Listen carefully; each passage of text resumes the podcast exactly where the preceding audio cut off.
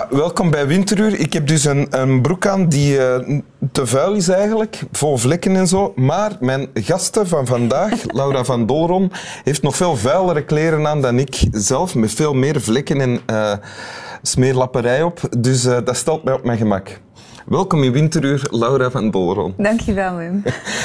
Veel mensen uh, die in Vlaanderen naar dit programma kijken, weten waarschijnlijk niet wie jij bent.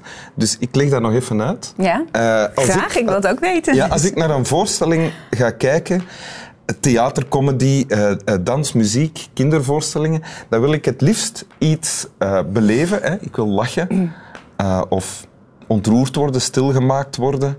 Um, en in het allerbeste geval kom ik anders de zaal buiten dan dat ik ze ben binnengegaan. Lichter, alerter, wakkerder, bescheidener soms ook. Uh, en bij voorstellingen die, ik dan, die voor mij dan heel geslaagd waren, is, het, is dat echt het geval dat ik anders buiten kom dan dat ik ben binnengekomen. En dat is mij meer dan één keer overkomen bij voorstellingen van Laura van Dolron. Voilà, dat was... Dankjewel. Laura, je, maakt, uh, je bent theatermaakster, onder andere. Hè? Uh, je hebt jezelf ooit stand-up filosofen genoemd. Mm -hmm. uh, want mm. het zijn voorstellingen die, waar veel gelachen kan worden, maar die ook heel ernstig zijn en waarin je dingen probeert uit te puren of te begrijpen. Mag je dat zo zeggen? Ja, ja. klopt. Oké. Okay. En daarbovenop ben je ook nog eens mama van twee kindjes. Vandaar alle vlekken. Ja, Ah. Ik heb een supergoed excuus. Ah, ja, ja. En je, wat ik nog niet heb, veel van je voorstellingen speel je ook in Vlaanderen, niet alleen in Nederland. Ja. En een andere band met uh, België is dat je bent, je bent getrouwd met een Belg. Of, nee, ik ben verloofd, zijn... maar hij voelt als mijn echtgenoot. Ja, ja. Maar zeg het maar niet getrouwd, want dan denkt hij dat het niet meer hoeft. Terwijl het moet nog steeds wel gaan gebeuren. Is er al een datum? Uh... Nee, maar ah, bij deze. Ah, ja. ik ben aan het wachten. Oké, okay, dat is dan duidelijk. En je hebt een tekst bij, wil je die voorlezen? Ja, graag. Uh, het gedicht heet Our Deepest Fear van Marianne Williamson. Ja. Our deepest fear is not that we are inadequate. Our deepest fear is that we are powerful beyond measure. It's our light, not our darkness, that most frightens us. We ask ourselves, who am I to be brilliant, gorgeous, talented, and fabulous? Actually, who are you not to be?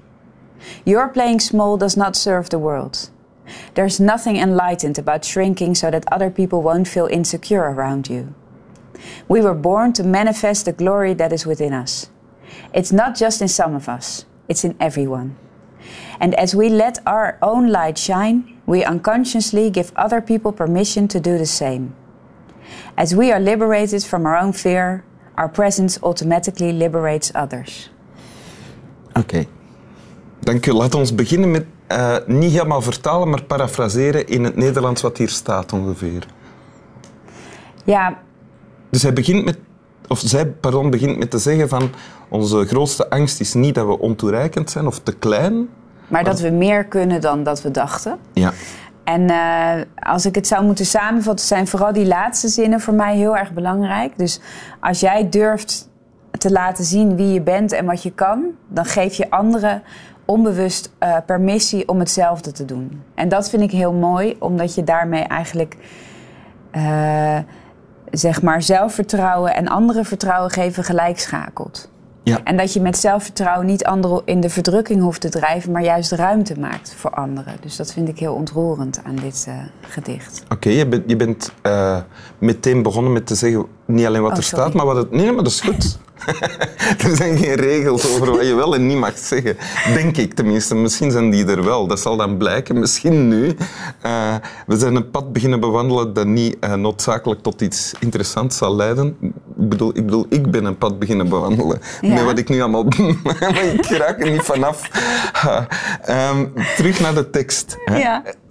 Uh, weet je nog wanneer je dit voor het eerst gelezen hebt? Uh, ja, ik uh, wilde een, mijn eerste voorstelling maken. En op de toneelschool um, was ik sowieso... Ik was helemaal klaar met mensen die rollen speelden... en anders deden dan die iemand anders nadeden die ze niet waren. Dus ik wilde iets anders en ik was op zoek naar kwetsbaarheid. Mm -hmm. Maar kwetsbaarheid was toen op de toneelschool en ook vaak in dagelijks leven werd dat toch gezien als je lelijkheid laten zien. Dus als iemand een dikke buik had en dan liet hij zijn buik zien en dat was dan kwetsbaar.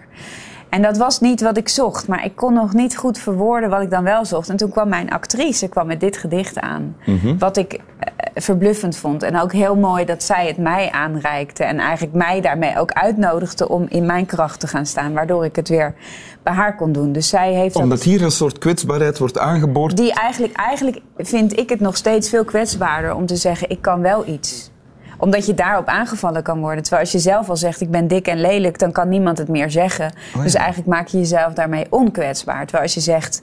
Wat ik altijd in mijn voorstellingen weer probeer te zeggen, is ik probeer de wereld te verbeteren. En bijvoorbeeld stand-up filosoof betekent stand-up, ik ben grappig, filosoof, ik ben slim. Ja. Dat is nogal een uitdrukking. Dus daarmee maak ik me eigenlijk kwetsbaarder. Want dan kan ik altijd aangevallen worden. Wat veel minder gebeurt dan je denkt. Op het feit dat ik niet grappig en niet slim ben. Dus ik probeer in mijn werk en in mijn leven mezelf kwetsbaar te maken door te zeggen: ik kan wel iets. En als het niet zo is, zeg me, het, vertel me het tegendeel. En is dat iets dat je bewust moet blijven doen dan? Of is het ondertussen... Ja, nog- absoluut. Ja, Ja, toch, ja? nee, helaas. Dat komt denk ik ook wel. Ik heb erover nagedacht in de trein hier naartoe. Eh, want verder heb ik niet zoveel tijd om na te denken met die twee kleintjes. Maar ik denk dat het iets te maken zou kunnen hebben. Ik zat na te denken over de wetenschap. En dat gaat altijd uit. Mijn man is heel wetenschappelijk. Mijn man, mijn aanstaande bedoel ik. Ja. Is heel wetenschappelijk aangelegd. Dus die gaat altijd op zoek naar de fout. Waar zit de fout? En de wetenschap werkt vaak vanuit de fout. En ik denk dat als mensen zichzelf zo gaan onderzoeken, waar zit de dus dat wij een beetje wetenschappelijk over onszelf denken. Dus waar zit de fout? En dan gaan we daarop focussen in de hoop dat te fixen. Terwijl ik denk dat het bij een mens, of bij mij werkt het in ieder geval beter als ik zoek naar waar zit de schoonheid, waar zit de kracht. Ah, En dat uitbouwen in plaats van constant vanuit, zo zit bijvoorbeeld ook de kunstwereld heel, heel erg in elkaar. Als je iets goed kan, dan word je na twee, drie jaar geacht, zo, dat kan je. Nu moet je iets doen wat je niet kan. Terwijl ik dan denk, ja, maar een vogel gaan we toch ook niet vragen. Ja, nu weten we dat je kan zingen, ga nu eens blaffen. dat is niet the way of nature, weet je. Maar de mens die is heel erg geneigd om constant van die fout uit te gaan. Ja. En ik denk dat dat niet de beste methode is. Ik denk dat een mens beter groeit en bloeit als hij zich focust, ik in ieder geval wel, op, op wat ik wel kan. Wat je dus wel altijd opnieuw moet doen. Want Zeker, want de maatschappij drukt je weer met je neus op die fouten. Recensies, de bezoekersaantallen, de sterren, weet je wel. Dus, en het is ook, helaas, het kapitalistische systeem gaat natuurlijk ook heel erg uit van een competitiemodel. Dus, dus dat heeft ook iets neerdrukkends, dat je constant tegen anderen moet opboksen. Ik, Waardoor ik je... moet nu ook denken aan eh, wat ik ooit heb gelezen over de studie geneeskunde. Wat je eerst leer- leert daar, eh, als student, is hoe een gezond lichaam functioneert. Of hoort te functioneren. En dan ga je kijken naar wa- wat er allemaal mis kan gaan.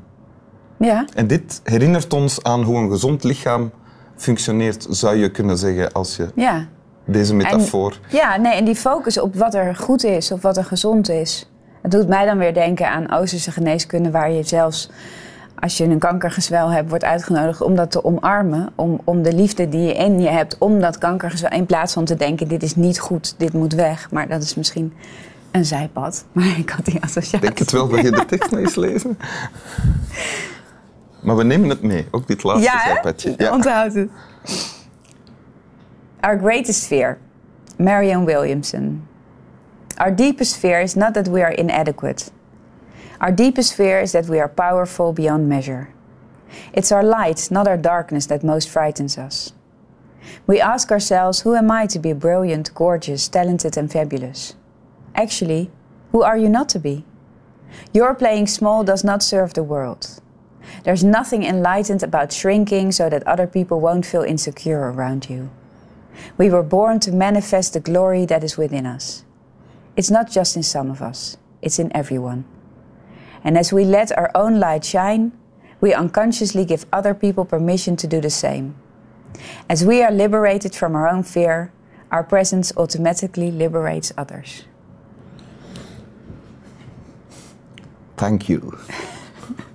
Slaap.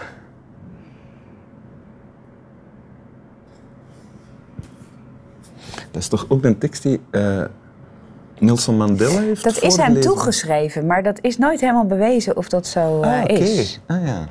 Zij heeft hem geschreven en het schijnt dat hij ooit een zin heeft gezegd, maar dat is nooit echt bevestigd. Maar het Ah, is ja. aan zijn naam gekoppeld. Ja, Of als je alle woorden die hij ooit in het openbaar Dan heeft gezegd krijg je dat wel bij. Ja.